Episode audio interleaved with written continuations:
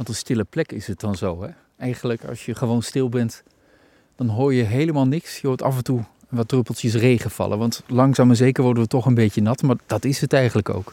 Ja, wat een rust hè. We weten dat uh, Jits en zijn vader contact hebben gehad met een ander onderduikschool hier in de buurt. Van een andere familie die daar heeft ondergedoken gezeten. De locatie onbekend. En we weten ook dat zij vaak genoeg samen gingen, gingen eten samen. Vaak genoeg samen gingen avondeten. Of, en daar maaltijden met elkaar deelden. Ja. Dus hier was een onderduikershol, maar wellicht een paar honderd meter verderop was er gewoon nog geen. En misschien verderop nog wel eentje. Het klinkt bijna als een mini-dorpje hier, midden op de Veluwe. Ja, en ik denk ook wel dat ze onderling contact hebben gehad. En veel van de mensen in de onderduikerschool, Jitse vader, die zat ook bij het verzet. Dus die hebben natuurlijk ook wel netwerk gehad, ook over het verzet. En, uh, en de verschillende onderduikerscholen die er hebben gezeten. Ja. Qua vondsten, batterijen zijn er gevonden, weet ik toen ik zelf ging kijken. Uh, maar er is ook iets van een fiets of zo naar boven gekomen, toch? Fietsonderdelen? Ja, wij hebben tijdens het uh, bekijken van de vondsten hebben we een achterlicht gevonden en een uh, ventiel. En eerst dachten we ook dat het mogelijk een stuur van een fiets gevonden zou zijn. Dit bleek dus later de rolveger. En met de vondsten zijn we naar Gazelle toe geweest. Hebben wij gekeken met welk model zou dit eventueel kunnen zijn.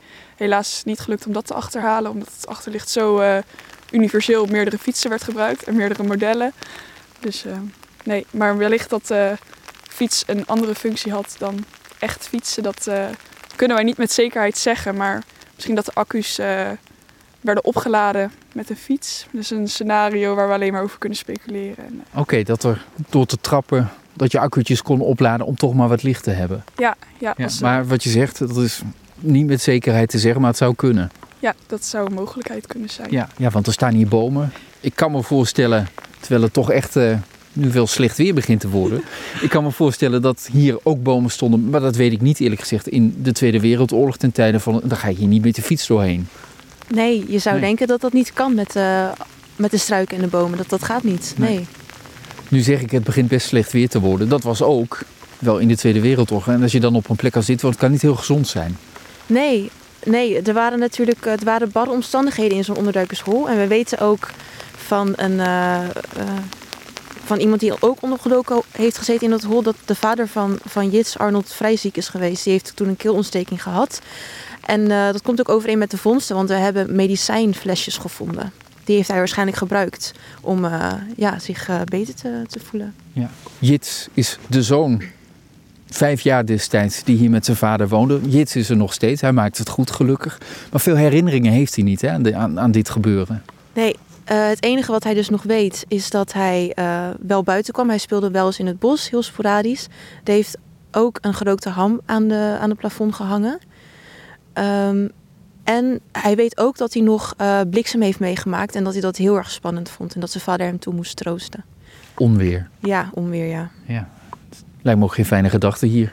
In je eentje in het bos. Tenminste samen met je vader. En het kan hier behoorlijk tekeer gaan, denk ik. Ja, ja. Wat gaan jullie doen met alle, alle vondsten die zijn gedaan? Alle kennis die is opgedaan? Want het blijft hier niet bij. Nee, zeker niet. Uiteindelijk uh, wij hebben een tentoonstelling samengesteld met dit project. En wij willen eigenlijk het verhaal van Jits uh, vertellen door middel van de tentoonstelling. En de tentoonstelling neemt plaats in uh, het kasteel Kannenburg in Vase. De opening is eind april, dus net voor 4 en 5 mei. Um, ja, en we stellen de, uh, de vondsten tentoon. En daarnaast uh, nog wat uh, meer informatie over het leven in een onderduikerschool. Ja, uiteindelijk wordt het verhaal van deze plek en het verhaal van Jits, dat wordt verteld. Ja, dat wordt verteld in de tentoonstelling. Ja, ja. Het is toch bijzonder dat jullie hiermee bezig mogen zijn. Terwijl jullie nog maar studenten zijn. En dat bedoel ik niet denigrerend, maar toch, hè, het is wel, wel, wel een cadeautje. Ja, het is wel een once in a lifetime experience, denk ja, ik. Dat weet je niet. Nee, hopelijk niet, hopelijk niet. Ik wil jullie danken voor een, voor een mooie ochtend. En het goede nieuws is ook, het is weer droog geworden. Gelukkig. Dank jullie wel. En wij genieten nog even op deze bijzondere plek.